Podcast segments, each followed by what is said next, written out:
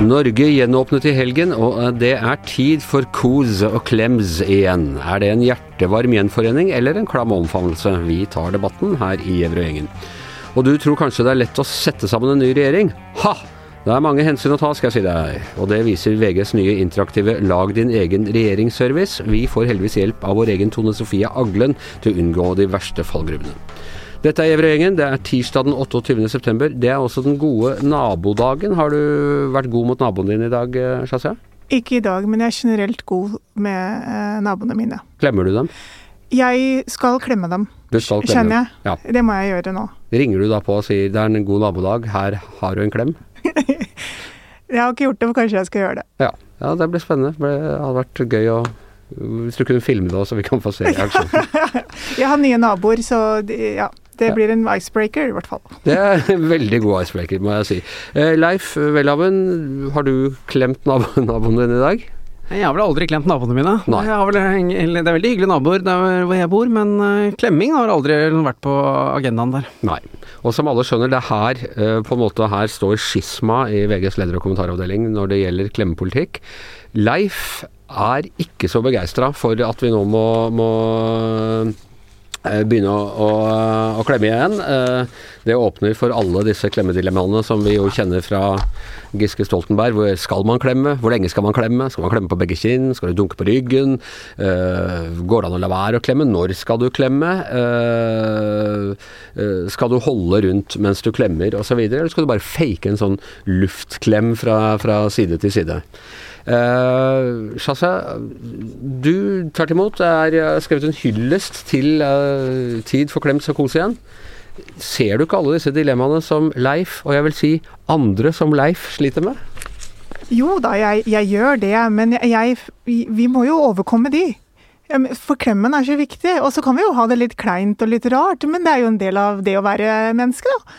Men er det ikke, altså eh, Er det ikke litt sånn eh, Denne klemmingen den starta, tror jeg, egentlig faktisk med Petter Nome på, på 90-tallet, på dette her fredagsprogrammet han eh, hadde. Rondo eller noe sånt. Ja, Rondo. Eh, og inntil da så håndhilste vi, slik hilser vi i Norge, som eh, Sylvi Listhaug sier. Og så begynte man å, å klemme, og så har det utviklet seg til å bli litt tvangsmessig også.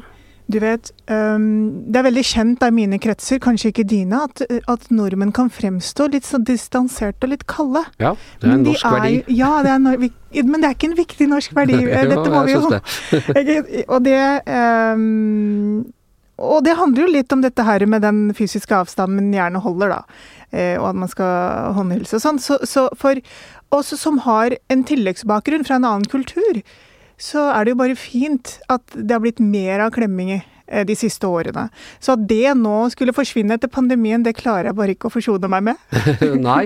Uh, Leif, er ikke, dette, liksom, er ikke det på tide at vi kaller trauste landet av folk som går og skuler på hverandre og ikke snakker til hverandre, i det minste kan begynne å, å, å nærme hverandre på denne måten her? Jeg synes at det det var én ting som manglet på spørsmålslisten, og det er spørsmålet hvorfor eh, skal vi klemme? Ja. Og jeg husker jeg, jeg skrev en kommentar tidlig i pandemien hvor jeg lurte litt på hva som kom til liksom, å skje med oss eh, når vi skulle leve så annerledes, om vi liksom, tok veien ut av det sosiale kjøleskapet, eller hva som uh, ville skje. Men jeg må liksom innrømme at det, var, det er veldig mye som ikke har vært hyggelig med pandemien, men det har faktisk vært noe litt sånn behagelig, hvor det har liksom at Nakstads norske lover har gjeldt, liksom, liksom, noen sånn sosiale koder har liksom vært eh, lagt for deg.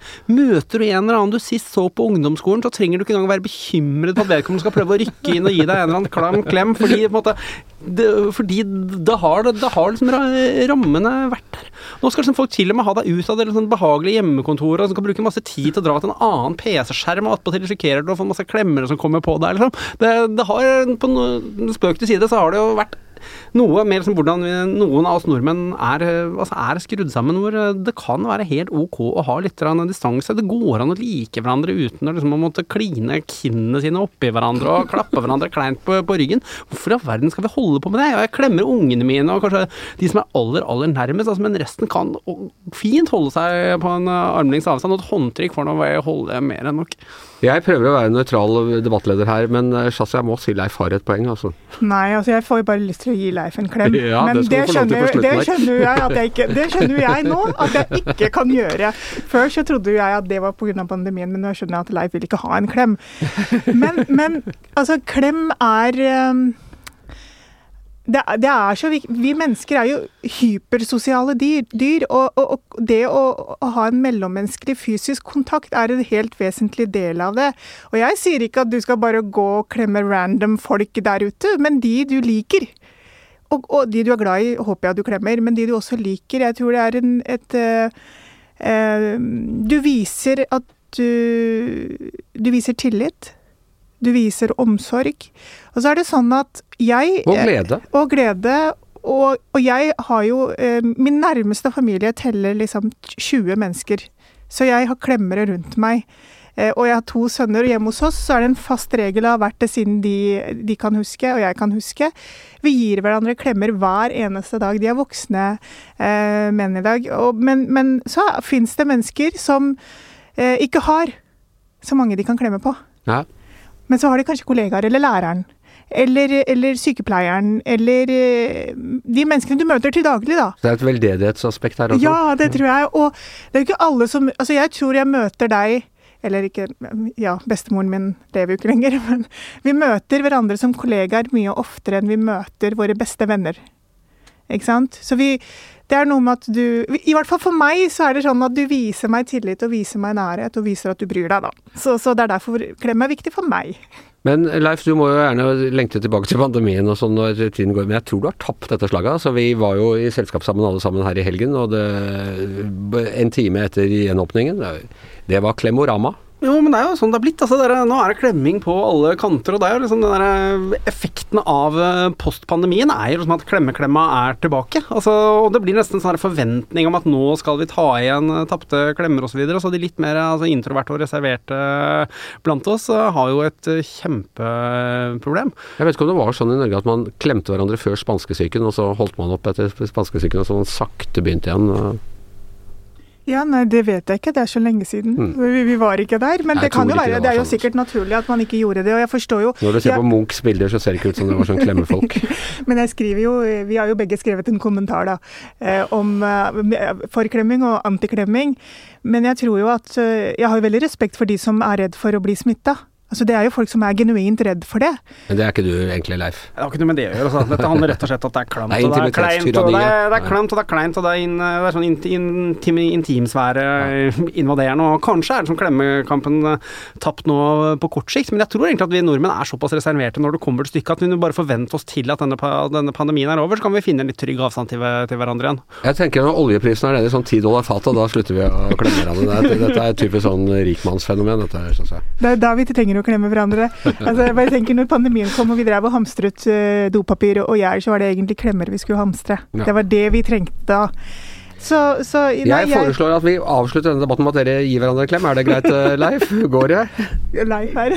Nå ble jeg lei for det. Kom igjen nå. Ja, så jeg er greit for meg. Leif. Ja, ja det var koselig. Det var en fin klem! Nå har vi brutt den times dette var veldig, veldig bra. Jeg føler at vi har eh, slått et slag for godhet og varme og raushetens tid her i Giæver og gjengen. Hva med deg, Tone Sofie? Har du, du har savnet klemminga, du. Vi har snakket om dette før, vi har vi ikke? Ja da, jeg er en uh, kjempeklemmer, jeg. Og for meg så er det litt sånn god jul og godt nyttår. Men jeg har også brent meg på å klemme folk som Ja, for du skjønner Leifs beskrivelse av sånne situasjoner? Ja, og noen ganger så blir du liksom litt sånn revet med, og hadde et sånt øyeblikk eh, Det var vel under KrF sitt retningsvalg, så mm, var jeg så mye i studio og møtte Dagen-redaktør Vebjørn Selbekk at jeg liksom på autopilot gikk og ga han en klem. Ja. Og han var definitivt ikke en Var det ikke det? For han kan virke litt sånn uh... Ja, Det er mulig han er en klemmer, men han var åpenbart ikke en som ville klemme meg, så jeg var følte meg litt som Trond Giske som ville klemme Jens Stoltenberg. jeg husker en gang jeg klemte en fyr jeg også som ikke responderte, og du kjenner at du glir nedover liksom, mens du holder favntaket. Det, det er ikke noe særlig. Eh, nå vel. Du, eh, vi skal snakke om, altså mens vi venter på at det skal komme noe ut av disse regjerings... Ikke forhandlingene, eh, ikke samtalene, men sonderingene. Ja.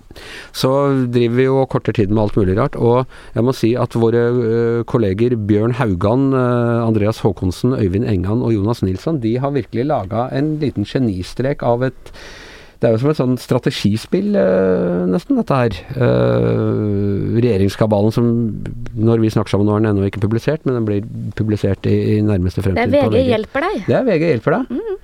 Eh, og det er altså hvordan du setter sammen en regjering, og så er det noen hensyn du, er, det noen grunnhensyn du må ta. Og hvilke er det? Nei, det er, jo, det er jo litt fordeling mellom partiene, da. Hvor mange statsrådposter de skal ha. Og så er det selvfølgelig tyngden på de. Og så har du jo kjønn, da. Det skal jo være en kjønnsbalanse her. Og så er det geografi. Og så kan det være fløyene skal ha sitt i noen partier. LO skal ha sitt. Ja, det er jo ganske mange hensyn. Og så kan man tenke, er det noe igjen til kompetanse? Bitte lite grann. Helt sist så har vi, er det noen kompetente folk. Og de har altså eh, Utgangspunktet her, for å gjøre det litt enklere, så har de satt ti statsråder til Altså at det skal være 19 statsråder vel til sammen. Eh, Ti til Arbeiderpartiet, seks til Senterpartiet og tre til SV. Det er vanskelig for SV å klare alle balansene med, på tre statsråder. Ja, jeg tror ikke de vil være fornøyd med tre. Det var jo det Venstre hadde når de var bare to på Stortinget. Ja, ja, Så det skal ikke se bort fra at det trylles fram noen nye departement. Det gjør Ja. gjerne det. ja. Hvor mange departement kan man komme opp i, tror du? Nei, det er, jeg har ikke sett at det finnes noen øvre grense, men de har en tendens til å forsvinne igjen, da. Jeg tror ikke vi får se distrikt- og digitaliseringsministeren igjen. Nei, eller samfunns- og sikkerhetsminister. eh, Beredskapsminister. Ja, beredskapsminister, ja. ja, vel, Nei. ja. Nei, den er vel også avgått med Ja. mm. Ja. Nei, men eh, de kan sikkert, for det er mye bra sånn eh, grønn folkebondesminister eh, og, og sånne ting. Men det- Klemmeminister. Hva? Hilseminister. Klemmeminister. Hilseminister, klemmeminister, Ja. reverseringsminister har vi jo prata om. Ja. Men det blir Lundteigen, så den trenger vi Ja. ikke å ta med i kabalen. uh, og så uh, Ja, men i hvert fall, det er da den fordelingen. Ti, eh, ti til Ap, seks til Senterpartiet, tre til SV. Og så er det Kan regjeringen maksimalt ha elleve av hvert kjønn. Eh, og eh, Arbeiderpartiet er særlig da de som har sånn landsdelsfordeling. Og hvis vi begynner her. Første er Jonas Gahr Støre, det er ikke noe tvil om. Det er lett. Ja. Bang, den klarte vi fint. Så er det utenriksminister. Der står det mellom Anniken Huitfeldt, eh, Espen Barth Eide fra Arbeiderpartiet, Sandra Borch fra Senterpartiet, eller Harald Skjeldrup fra SV. Ja, her vet jeg i hvert fall hvem, som skal- hvem som skal ut. Jeg Ja. blir veldig overraska om Sandra Borch blir utenriksminister. Ikke Ja. til forkledelse for Sandra, som er en dyktig politiker og viktig profil, men uh, det er nok Arbeiderpartiet som skal ha den. Og Espen Barth Eide har jo hatt den før, men jeg tror nok at det blir en kvinne denne gangen, og at Anniken Huitfeldt har både erfaring og er den pila peker på. Mm. Det er litt surt for Espen Barth Eide, som har prøvd å bli, eller spesialisert seg Kvalifisert seg for den posten siden han gikk i barnehagen. Ja da, men det kan jo finnes noen trøstepremier for han der inne. Da tar vi Anniken Huitfeldt der. Ehm, og så har vi da finansminister. Eh, Det der er ikke så lett. Nei, den er ikke lett. Og det, den syns jeg den er morsom for deg. Altså Marit Arnstad eh, som jeg tror, og Trygve Slagsvold Vedum. Altså, det er tre fra Senterpartiet du får opp som alternativer. Eh, Ola Borten Moe. Og så er det Hadia Tajik fra eh, Arbeiderpartiet. Og det er jo en tradisjon i disse samarbeidsregjeringene de siste årene for at partilederen fra Uh, største, Største Nest største parti. Nest største partiet, altså Ja. største ja, eh, sidekick-partiet, får vi si. Uh, men det er ikke sikkert at Vedum går for den.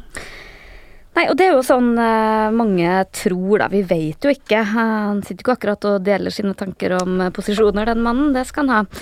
Eh, men man tenker liksom at, at han Det er litt sånn nei-post, da.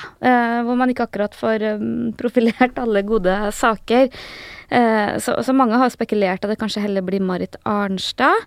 Eh, tung, erfaren. eh, men hun er jo også spekulert i som parlamentarisk leder, så det, det her er ikke så veldig enkelt. Men jeg tror jo at Trygve har det som skal til. Det er jo ikke kompetansen hans det mangler, og jeg tror at det Ja, men det er jo mer at han da blir bundet til masten. Han har jo han har vært ganske raus i løftene. Ikke, jo, absolutt. Men blir han ikke det uansett, da? Men eh, Jo, kanskje. jeg holder en knapp på han lær. Da går vi altså, faen, men- du kan dette bedre enn meg. Nei, Eh, det- pang, det er- der ble han finansminister. Det er faktisk den mest usikre posten av alle, syns jeg. Så er det kommunal. Den er også viktig, eh, ikke minst i, for Senterpartiet. Ja. Her er jeg uenig med mine kolleger, faktisk. Ja, for der er det altså kun Bjørn Arild Gram som er eh, Dette er jo for å forenkle det litt også, Ja. uh, greiene. Bjørn Arild Gram fra, fra Senterpartiet.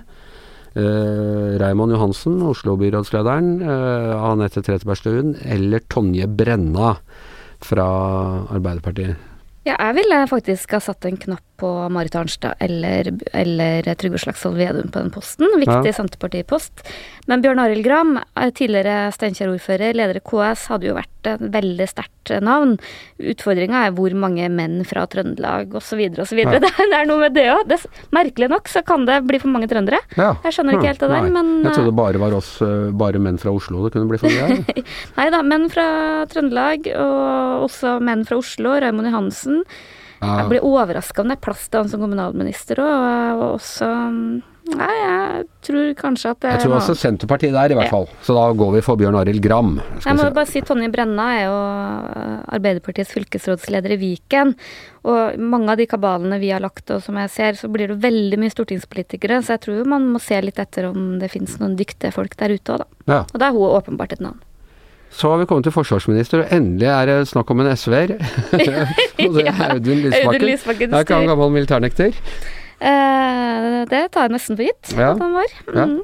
Mm. Eh, så jeg tror kanskje, det, palestinaskeiv-tida. Mm. tror kanskje ikke det vil slå så veldig godt an i Forsvaret, men uh, hva vet jeg. Eh, så er det Bjørnar Skjæran eh, fra Arbeiderpartiet. Eh, Espen Barth Eide, hvis han ikke blir utenriksminister, så må han jo bli forsvarsminister, må han ikke Jeg tror det. Han har jo også vært det før. Han har Jeg ville ha spart han til en annen post. okay. Men min Da- favoritt der er Ola Borten Moe. Ola Borten Moe. Og da Det er bra, for det er en litt sånn upolitisk eh, sted, eller eh, han er jo veldig engasjert i det, og Han han, er jo kompetent. En av de som har vært statsråd, var olje- og energiminister. Det kan han ikke bli ut fra sin jobb.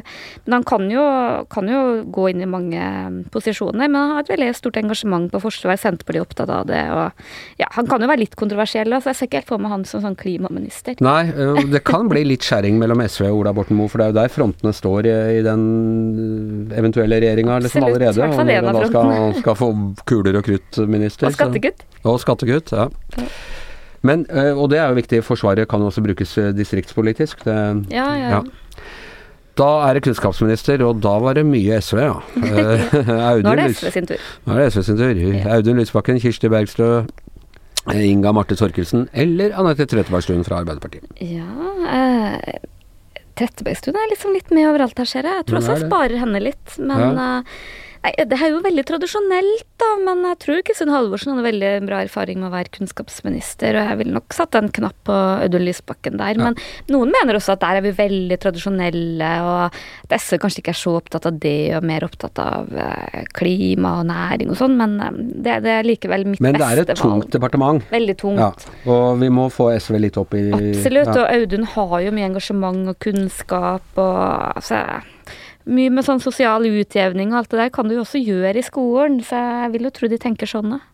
Da har vi Vi kan i hvert fall tenke sånn på ja, vegne av de. Det blir veldig spennende om vi får korrekt på dette her. Mm. eh, klima og miljø. Eh, Kaski eller Bergstø fra SV. Lars Haltbrekken eh, fra SV. Og Espen Barth Eide fra Arbeiderpartiet. Det er jo en viktig, er blitt et viktigere departement eh, nå. Kan SV la den gå? Kan SV si at nei, Nei, det kan jeg ikke, men det jeg er mer spent på, er jo om de deler opp eh, Deler av porteføljen og en klima- og er- miljøminister? Nei, men Osen man tenker jo mer sånn energi mye større, og så har du jo den delen som går på rovdyr og vern og sånn, og man legger det inn Senterpartiet vil gjerne ha det inn i landbruk, det vil sikkert ikke SV, men, men eh, det er i hvert fall en post jeg ikke blir forundra om blir endra, men hvis du i hvert fall er veldig på sånn klimasida, så ville jeg vel holdt en knapp på Kari Elisabeth Kaski. Da går den til Kaski, som er en av de nye kometene i SV. Eh, olje. Ja. Uh, Espen Barth Eide, Bjørnar Skjæran fra Arbeiderpartiet, eller Geir Pollestad eller Sigbjørn Gjelsvik fra Senterpartiet. Det er jo litt øh, avhengig av hva man tenker med den, men øh, det ville ikke forundre meg om de ikke lenger er Olje- og energidepartementet. Nå man jo, flytter man jo eierskapet til Equinor ut uh, av øh, Oljedepartementet og inn i næring. Uh, at man heller kaller det liksom det store energidepartementet. Og der ser jeg for meg at Espen Barth Eide kan ha et lite comeback, da. Der fikk du endelig Ja, fikk en post, Espen Barth er bra post, jeg er opptatt av det, da. Ja, ja, ja, selvfølgelig. Jeg kjemper jo staspost, vet du. Reiser Ja, ja, ja. verden rundt på sånne oljegreier. Er, eh, Energigreier, Anders. energigreier. Uh, det, det er stas. Uh, jeg skulle gjerne vært jeg hvis jeg hadde hatt noe greie på det. Eh, så er det justis. Mm. den var ikke så lett for den forrige regjeringa. Der hadde vi jo en parade av Frp-politikere, helt til det til slutt tok en høyre, og da ble det ro eh, og fred i riket. Men her altså, eh, Hadia Tajik eller eh, Lene Vågslid fra eh, Arbeiderpartiet, eh, eller Pål Lønseth, mm, som var kjent som eh, statssekretær som var hard i klypa i sin Ja. tid. Eh, eller eh, Emilie Enger Mehl fra Senterpartiet. Senterpartiet. Hadia bør vel såpass høyt opp, hun ikke det? Jo, altså, hun er jo jurist og Ja. åpenbart tung nok til å bekle mange verv her. Jeg bare, jeg ville nok ha spart henne til et, en annen posisjon, jeg tror jeg, men selvfølgelig en, en åpenbar kandidat. Lene Vågslid er jo leder av justiskomiteen, kan bli, og samme Emilie Enger Mehl har jo vært justispolitisk. Begge de to er jo relativt, i hvert fall Emilie, relativt ung. Et så tungt departement er jeg usikker på, for du skal være ganske hard i, i klypa, litt à la Pål Lønseth. som var i klypa, da blir det Pål Lønseth. Jeg- av de så kanskje Lene Vågslid, men der ville jeg ikke sett bort fra at det var et navn vi ikke hadde på blokka. Ola Borten Moe kunne vært en. Ja, men Definitivt hard i vi- klippa, i hvert fall. Vi har bare disse Ja, fire sorry, jokerne her. Nei, Ja. knektene her. Nei, damene. Nei. Ja, nei, Ja. men da jeg ville tatt Lene Vågslid. Da blir det Vågslid. Uh, helse. Oi, det er også et tungt departement, vet du. Mm. Og der må det skje ting.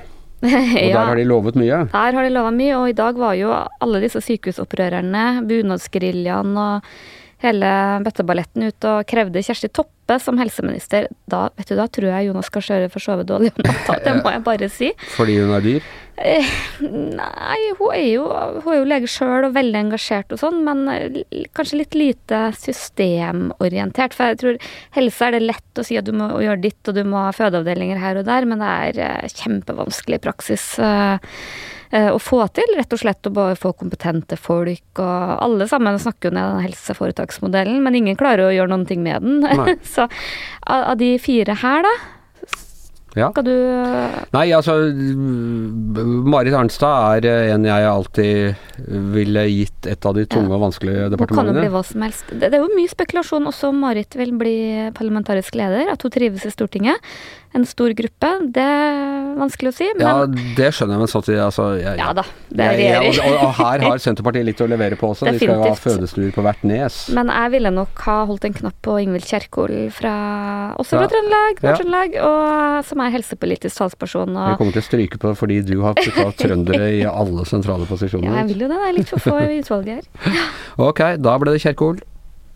Eh, så er vi på næring. Eh, og fra Arbeiderpartiet har vi Terje Aasland eller Bjørnar Skjæran. Fra Senterpartiet Sigbjørn Gjelsvik eller SV Torgeir Knag Fylkesnes. Ja. Er det tid for SV igjen? Jeg tror faktisk at SV har lyst på det departementet. Ja. Jeg tror de, men eh, jeg tror ikke de får det. Og der tror jeg nok at uh, Torgeir Fylkesnes eh, tror jeg nok uh, ville spart et annet departement. Terje Aasland eh, er god på industri, men her tror jeg nok pila peker på Arbeiderpartiets nestleder fra nord, Bjørnar Skjæran. Og jeg tror at det her kan bli et sånn industri- og næringsdepartement. Ja. Det er mitt beste gjett akkurat nå. Skjæran, you're hired.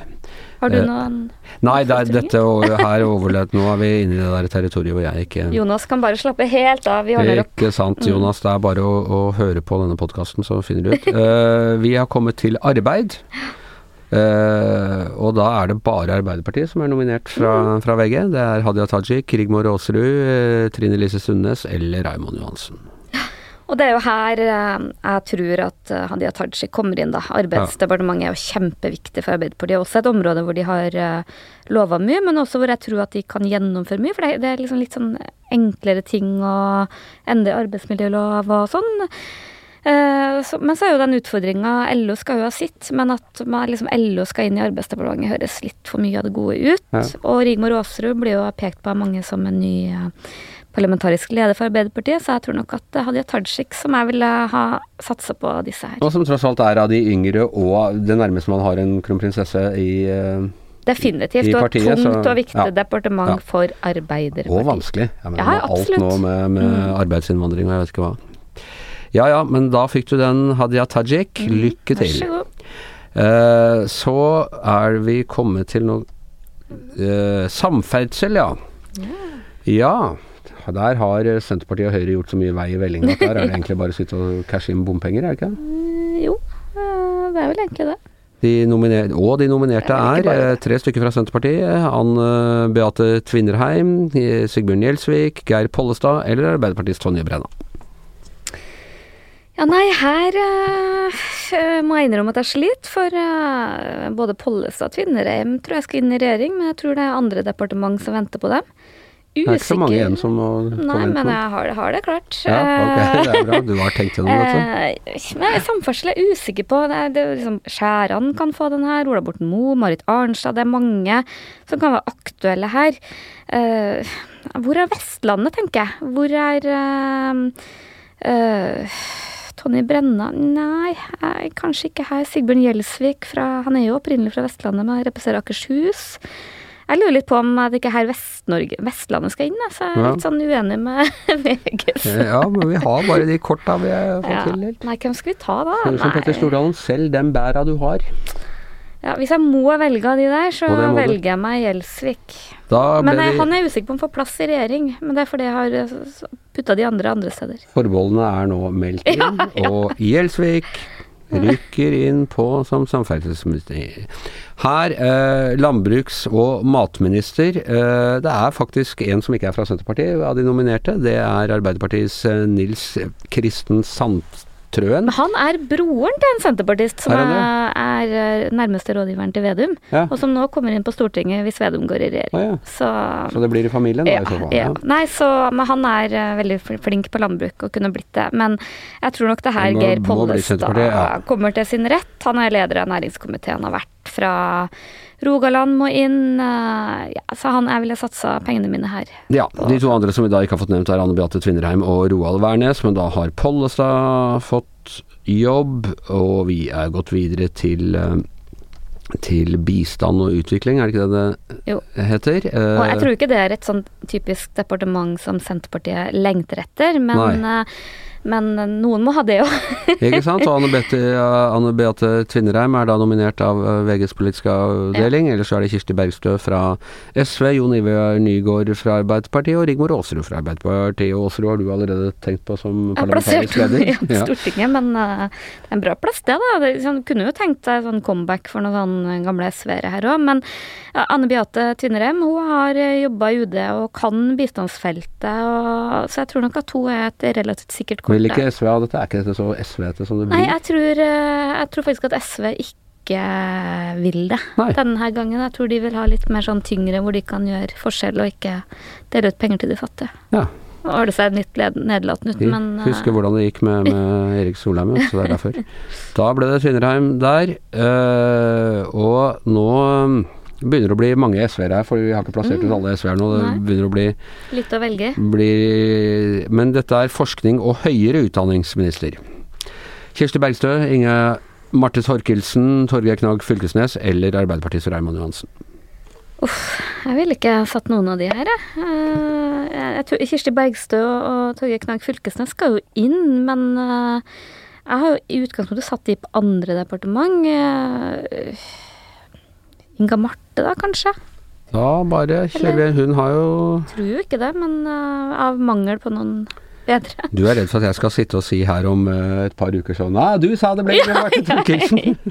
Ja, Nei da, vi, har, vi, eh, vi protokollfører alle dine protester, Ja. men eh, vi gikk for denne der. Så er det kultur. Eh, Ja. Anette Trettebergstuen fra Arbeiderpartiet. Kjersti Stenseng fra Arbeiderpartiet.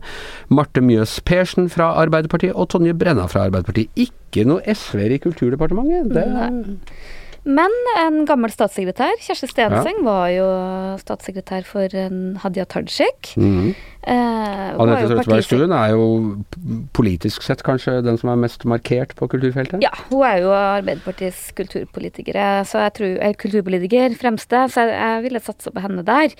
Men det er et problem med vår lille valgomat her, det, eller statsrådomat, og det er jo at det er veldig mye stortingsfolk. eh, Og lite Vestlandet. Marte Mjøs Persen er en kandidat som jeg tror kan gå inn i regjering, men jeg tror ikke nødvendigvis på kultur, da. Mm. Jeg ville kanskje på samferdsel. Trettebergstuen er blitt kulturminister. Gratulerer. Eh, Tross protester herfra. tross, eh, tross at eh, Tone Sofie er redd for å bli konfrontert med at hun tok feil. Lite jeg skal holde på med det. Ja, skylde på med det her. Eh, ja, da er det familieminister. eh, og da er det fire Arbeiderpartiet igjen. Julie Lødrup, Raymond Johansen, Tonje Brenna eller Marte Mjøs Persen. Ja, her ville jo jeg putta Kirsti Bergstø fra SV, men eh, det får jeg jo ikke mulighet til. Så Nei. da tar jeg Marte Mjøs Persen, for jeg tror at hun er en av de som skal inn. Opp. Da skal hun få avvikle kontantstøtta. Eh, og da er vi kommet til absolutt siste. Det er Fiskeridepartementet. Eh, fire Arbeiderpartifolk der også. Cecilie Myrseth, Terje Aasland, Kirsti, Kjersti Stenseng eller Nils Kristen Sandtrøen. Hvor er SV-nestleder eh, Torgeir Knag Fylkesnes når Ja, man trenger da, ham? ikke sant? Da er han Nå har han vært på hver eneste, men da Ja. slukta. han. Nei, jeg ville jo satsa på han, som har jobba veldig mye med fiskeri. Stort på allhøyde, da. Men uh, stor, uh, veldig profilert på det og kunnskapsrik. Men uh, en annen som har jobba mye med fiskeri, er jo Cecilie Myrseth. Så av de fire du tilbyr meg her, så vil jeg satse på henne. Ja. Og hun kommer også nordfra. Hun kommer fra Troms. Ja. Mm, Så jeg er så midt ja, i Nord-Norge som du Men eh, som sagt så tror jeg nok at hennes samfylking Torgeir Knag Fylkesnes hadde vært Da er regjeringen Giæver Aglen, eh, Giæver Aglens første regjering, klar for å stille på Slottsplassen.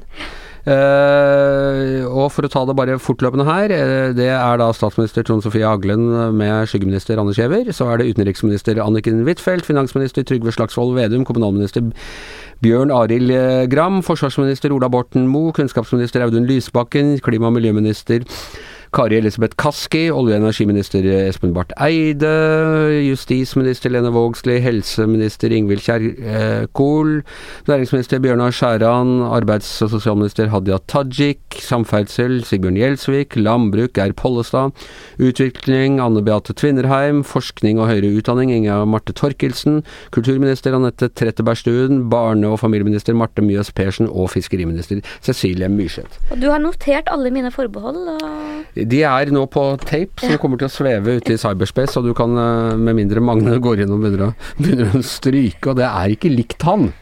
Uh, en så- gang må være den første. ja. Nei, dette, dette ble en lang greie, men det er viktig arbeid å sette sammen en, en regjering. Så, Og så mye tid vi har spart Jonas Gahr Støre for. ikke sant? Ja. Og, det, og det er ikke arbeid vi kan gjøre med sånn med haralab. Så, så, eh, så det Nei, men gratulerer. Eh, landet har Det er bare da å sende blomster til Det er bare å sende blomster til oss, og så stiller vi der på allerede på fredag. Vi kan jo skippe nå resten av disse sonderingene. Ok, det var egentlig eh, det vi hadde for i dag. Nevne et par andre saker vi, vi diskuterte på morgenmøtet. Bomben i Göteborg visste vi litt lite om, og vet ennå litt lite om når vi spiller inn dette. Mm, Tyder ikke på terror, men kanskje et gjengoppgjør er jo en form for terror, det også. absolutt. Og så, sånn som jeg er opptatt av, ufo i Nord-Norge. Ja. Nå lander de og kidnapper folk og tar dem opp i, romskip og gjør unevnelige eksperimenter med dem. Og så eh, Kanskje den saken som vi egentlig godt kunne ha snakket om, det er at oljeprisen bikker 80 eh, dollar fatet for det, første gang på, på tre år. Det er ikke helt heldig for de Nei. regjeringsforhandlingene Om ikke vi rakk å snakke om det, så snakker de sikkert om det i Hurdal. Ja, det vil jeg tro. For det er jo liksom Ja, det kan finansiere hele alt både SV og Senterpartiet vil komme med, det. Ja da, akkurat det trenger de jo, men Ja. eh, det er jo noen andre Men det er noen andre utfordringer, ikke minst i forhold til valgløftene. Så uh, lykke til med det. Uh, og gjengen er uh, over eh, for denne gang. Her i studio Tone Sofia Aglen, Anders Giæver, Leif Welhaven og Shazia Maid. Og eh, produsent og podkastminister er som vanlig Magnat Antonsen.